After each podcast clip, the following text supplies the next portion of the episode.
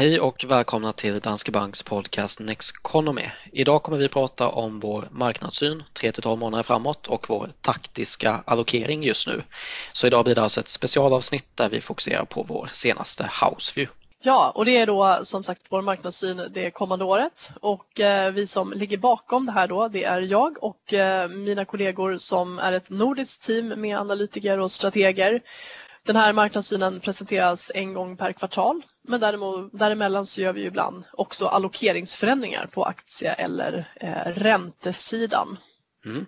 Och jag tänker att vi ska börja med att prata lite om börsutvecklingen den senaste tiden. USA-börsen är på rekordnivå, Stockholmsbörsen har ju varit det också och Europa är ju inte, ja Europa har tappat tillbaka en hel del av tappet från i våras i alla fall. Ja, och man får väl säga att sentimentet på marknaden är väldigt starkt. Dels mot bakgrund av den kris som vi har bakom oss men också det faktum att vi har en, en ganska kraftfull våg två med nya hårda restriktioner för europeisk del och risken är att man kommer skärpa regler och restriktioner i USA också. Den senaste tiden då så har ju den här optimismen som vi redan sett på marknaden fått bränsle tack vare positiva resultat från tre fas 3-studier av coronavaccin. Då. Och eh, kanske blir det så att vi får en eh, stark avslutning på det här året också trots att börsen redan stigit en del. Tittar man på ett globalt index så är det upp över 10 procent i lokalvaluta sedan årsskiftet och det här är ju förstås en extremt stark utveckling mot bakgrund av krisen då. Mm. Eh, Stockholmsbörsen ser ungefär likadant ut, en uppgång på en 10 procent drygt. Ja. Och något som är bra att poängtera här och något som jag har poängterat under året det är ju vikten av global diversifiering. För eh, det har verkligen visat sig att olika regioner har gått olika starkt under året. Så vi har Europa i botten på minus 3% ungefär och sen har vi USA i toppen på ungefär 16% Och sen har vi även då om man tar ut eh, Kina från emerging markets så har de haft en fantastisk uppgång på 26 Eh, och, och, där kan man säga att även inom emerging markets är det viktigt med diversifiering.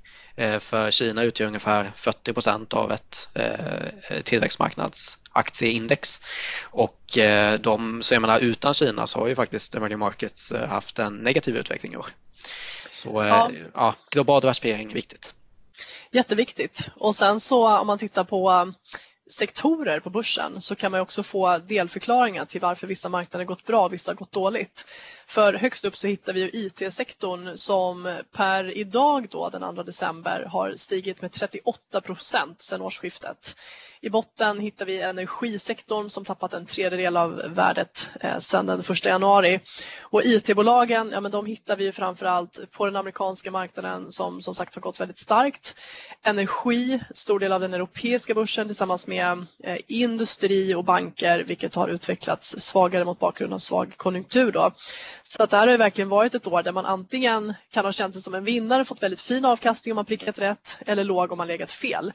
Och det där med att pricka vinnarna, det är ju inte så lätt och det är därför vi förespråkar den här väl diversifierade globala portföljen med en, en god riskspridning. Och har man haft den så har man alltså fått en avkastning på ungefär 10 procent sedan årsskiftet, vilket får betecknas som en väldigt god avkastning med tanke på krisen. Mm. Och det är något som vi har pratat om tidigare i år också, alltså vikten att få med vinnarna. För det är ju så att det är, på börsen är det ett fåtal händelser som kommer stå för majoriteten av avkastningen.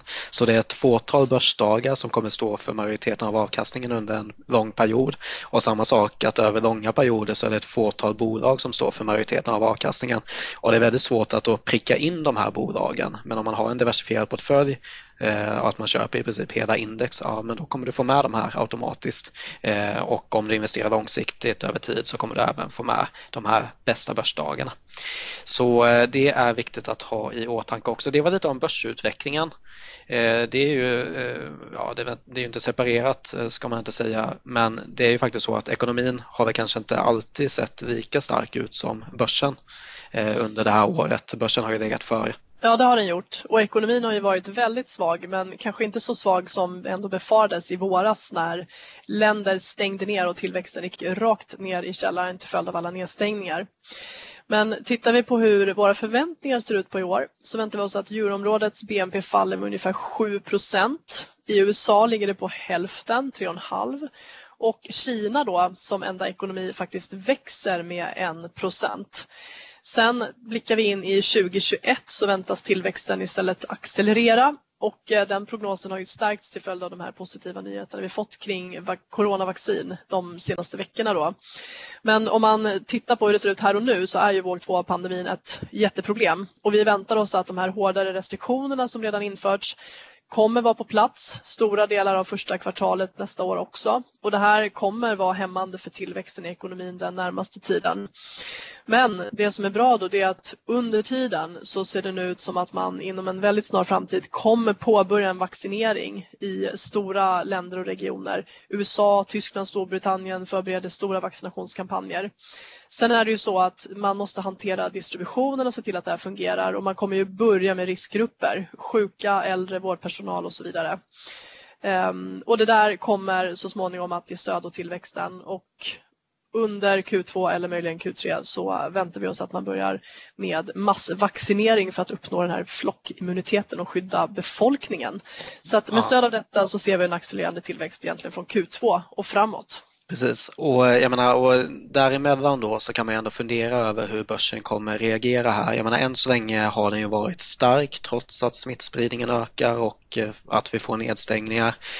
Men då är ju frågan, man kan ju ändå kanske förvänta sig att det blir lite mer osäkerhet här eh, innan vi är förbi och förhoppningsvis har ett vaccin som kan spridas och eh, vi har börjar kanske till och med få se en flockimmunitet då eh, senare under 2021. Eh, för det är väl ändå det som är eh, det viktiga just nu för vi har ändå sett eh, en återhämtning i ekonomin, vi har sett en återhämtning på arbetsmarknaden men för att ta det här sista steget så är det ju vaccinet som vi nu ser ut att få här inom kort då, eh, som, som behövs. Ja, precis. Men det som är positivt då, som dels kommer driva tillväxten men som också kan ge stöd åt börsen eh, trots osäkerheten och jag menar man ska inte utesluta att vi får ny volatilitet på marknaden. Det är fullt möjligt att det kan bli skakigt igen. Men det som är bra det är ju ändå dels att vi har fått besked om tre stycken fungerande vaccin. För det ökar ju chansen att vi kan få ut fler doser av vaccinen på marknaden snabbt och påbörja den här massvaccineringen. Men sen så kan man också titta på förutsättningarna för hushåll och företag inför och under den här krisen. När vi gick in i den så fanns det ju egentligen inga obalanser i ekonomin så att det finns ingenting som vi behöver spara oss ur eller obalanser som ska rättas till. Utan balansräkningarna är starka såväl för konsumenter som företag och dessutom så har sparandet varit högt under krisen så att vi har ytterligare stärkt det då. Och det här beskeden som vi fått nu kring vaccin, det kan ju ge stöd åt sentimentet så att det minskar risken för att hushållen skulle börja deppa, hålla i plånboken. Det minskar också risken att företagen skjuter investeringarna långt in i framtiden. Och det finns efter den här perioden då ett, ett stort behov och resurser både för uppskjuten konsumtion och investeringar och det kan frigöras då i takt med att vaccinationen kommer igång och man lättar på restriktionerna senare under våren. Mm. Och, så att, eh, det här kommer ju ge en skjuts åt tillväxten. Mm. Och även om det är så att det skulle bli stökigt här på börsen framöver så har vi ju de som kommer till undsättning och det är ju centralbankerna. För de har ju faktiskt visat sig eh, vara väldigt eh, expansiva under året eh, när vi har sett då ekonomin svikta. Så jag menar, det där kan man också tänka sig att vi fortsätter ju få stöd av den här expansiva penningpolitiken som vi har runt om i världen. Så jag menar, även om det är så att vi får se nya nedstängningar så har vi fortfarande ett stöd av den expansiva penningpolitiken och de har ju utrymme för mer där också. Ja, det har de och framförallt så gör ju centralbankerna att vi inte behöver vara lika oroliga för, för turbulens på de finansiella marknaderna. Alltså om centralbankerna ökar på obligationsköpen så gör det kanske inte så mycket för tillväxten i ekonomin och det får inte konsumenterna att gå ut och köpa nya saker. Men det kan ju se till att de finansiella marknaderna fungerar. Ehm, vi såg i våras hur den här paniken på marknaden fick börsen att falla och på obligations, företagsobligationsmarknaden så försvann i princip likviditeten. Och det kommer ju inte hända på samma sätt nu även om det skulle bli en, en sämre situation igen. Så att de är ett otroligt viktigt smörjmedel. Ja, det blir ju det. Och du, det är väl lite det man har kunnat se då också att jag menar, när ekonomin har gått väldigt svagt så har ändå börsen backats upp av centralbanksstimulanser. Delvis. Ja, det har det gjort. Och sen så har vi ju faktiskt sett att ECB, den europeiska centralbanken, har redan flaggat för nya stimulanser och det ska komma senast vid decembermötet. Det lär man leverera på med tanke på att vi sett hur aktiviteten i ekonomin har minskat den senaste tiden, framförallt när det gäller tjänstesektorn till följd av alla restriktioner. Då. Mm. Även i USA så har ju Fed och Jerome Powell när han varit ute och talat de senaste dagarna flaggat för en hög osäkerhet, risker på nedsidan i ekonomin och det är fullt möjligt att man också kommer öka upp obligationsköpen vid någon tidpunkt även om man kanske inte har kommit dit än då. Och det här nya genomsnittliga inflationsmålet som man införde tidigare år på 2% det gör ju att möjligheten till att man trycker på med ännu större stimulanser och att man fortsätter ännu längre har ökat. Därför att man kan låta inflationen överstiga 2% och man kan låta arbetslösheten sjunka lågt utan att man agerar.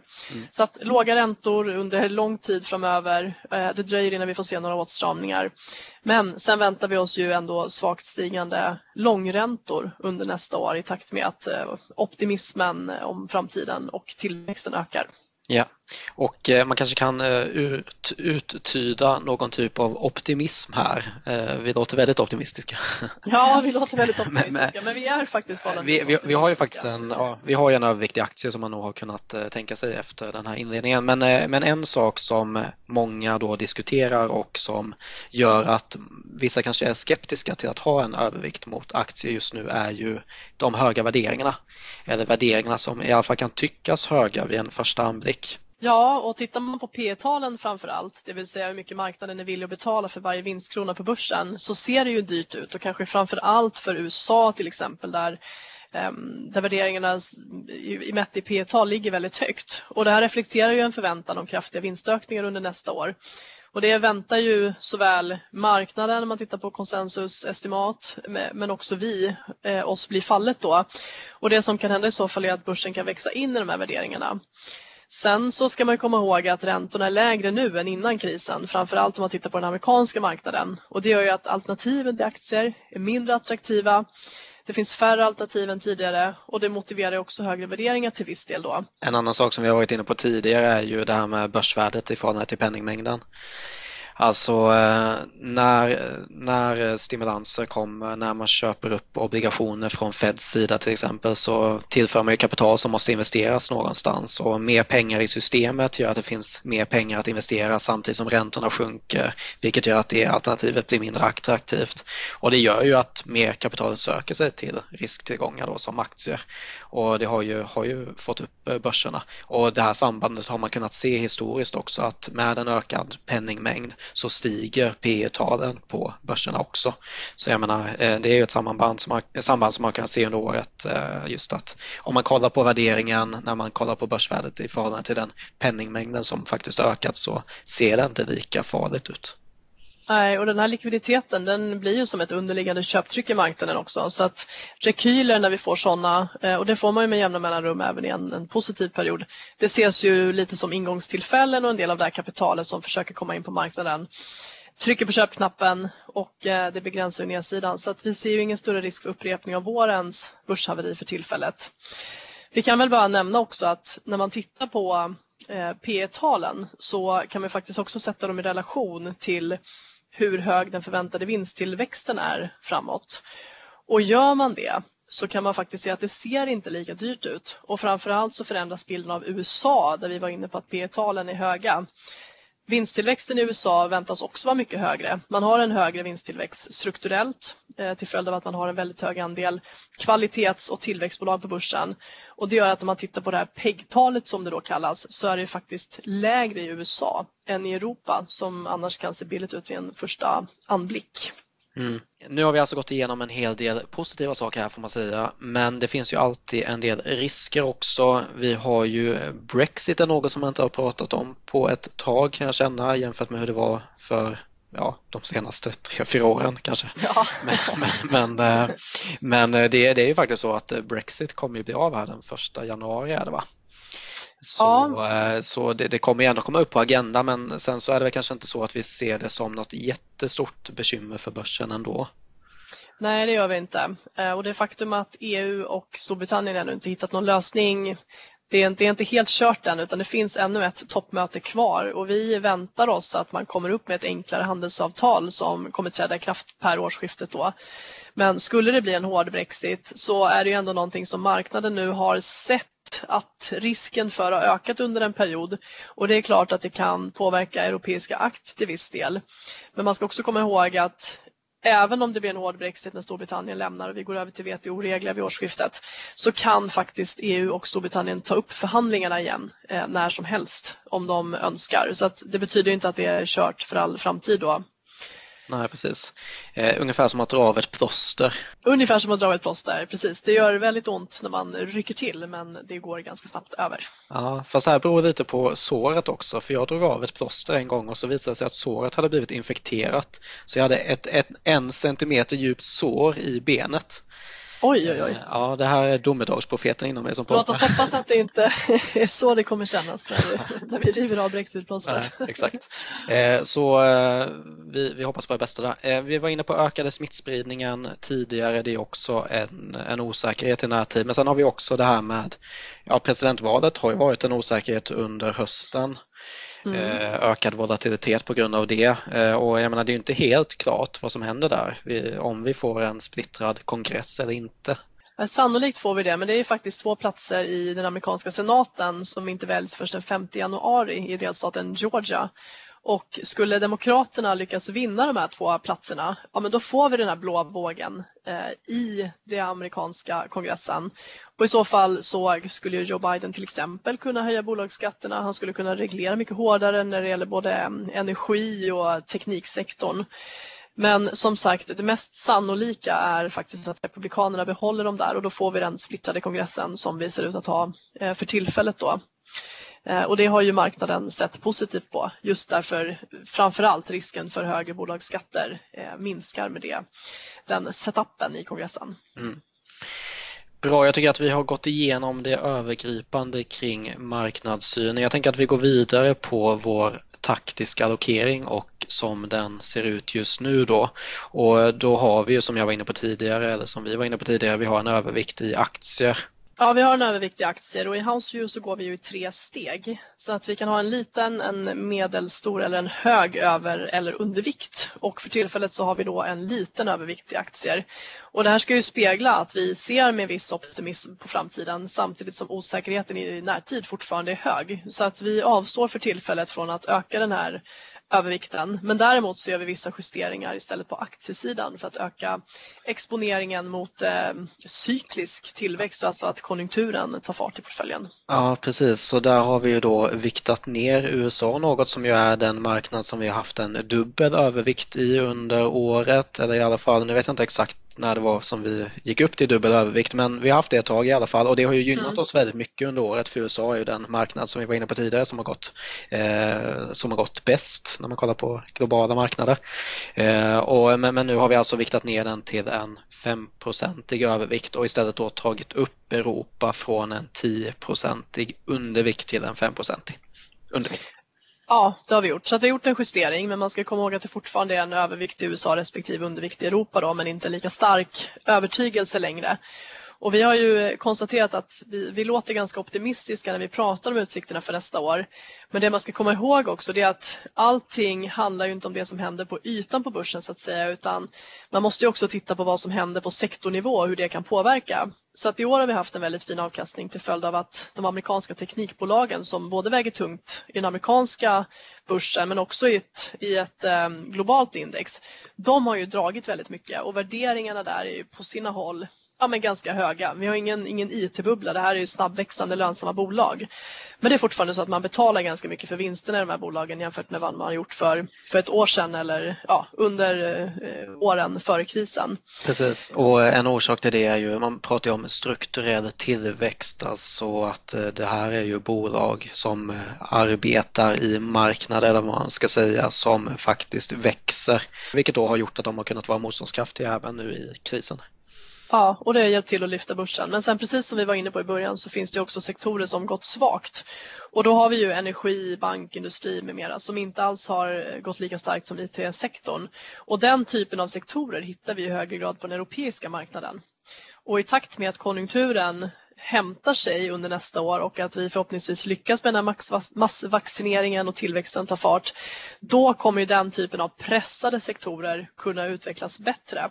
Samtidigt så kan man då tänka sig att man skulle kunna få en svagare Eh, relativ eller eh, absolut utveckling för de amerikanska bolagen vilket då eh, hämmar index lite medan europeiska aktier och mm, så värdebolag och mer konjunkturkänsliga bolag går bättre. Så att även om vi är positiva så betyder det inte att börsen måste fortsätta rusa uppåt utan det handlar också om att man kommer se andra bolag som relativt sett kommer gå bättre när vi så småningom börjar ta oss ur den här krisen. Precis, så man kan minska det här värderingsgapet vi har varit inne på tidigare med tillväxtbolagen i det här fallet och eh, på andra sidan de mer cykliska bolagen och sektorerna. Och det har vi positionerat oss för då lite mer. Ja, men det har vi gjort. Så vi, vi har minskat lite eh, i USA, men sen så ser vi fortfarande mot bakgrund av att osäkerheten är fortfarande hög. Du och jag och eh, många andra med oss sitter fortfarande hemma och jobbar. Man konsumerar mer eh, alltså nöjen, kommunikation, man handlar på nätet och så vidare. Och det här är någonting som vi kommer fortsätta med ett tag till, så att vi vill fortfarande ha den här exponeringen mot USA som är en stabil marknad i osäkra tider.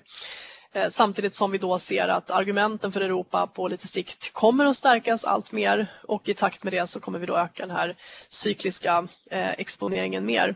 Mm. Man kan faktiskt också se det här väldigt tydligt i hur det ser ut med vinsterna. Om vi tittar på prognoserna för hur eh, vinstutvecklingen i USA och Europa kommer att se ut för helåret 2020 idag så väntas vinsterna i USA falla med 10% ungefär i år jämfört med 2019 medan europeiska bolag tappat en tredjedel, alltså drygt 30% av sina vinster. Och det här visar ju precis det att i USA så är inte vinsterna så konjunkturkänsliga på börsen utan vi har den här strukturella tillväxten.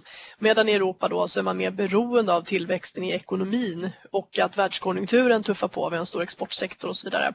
Mm. Ehm, så att där är vinsttillväxten mycket känsligare. Men det gör ju också att om man tittar på talen nästa år så kommer den amerikanska vinsttillväxten inte öka lika mycket som den europeiska eftersom den inte får lika mycket skjuts av eh, konjunkturen. Då.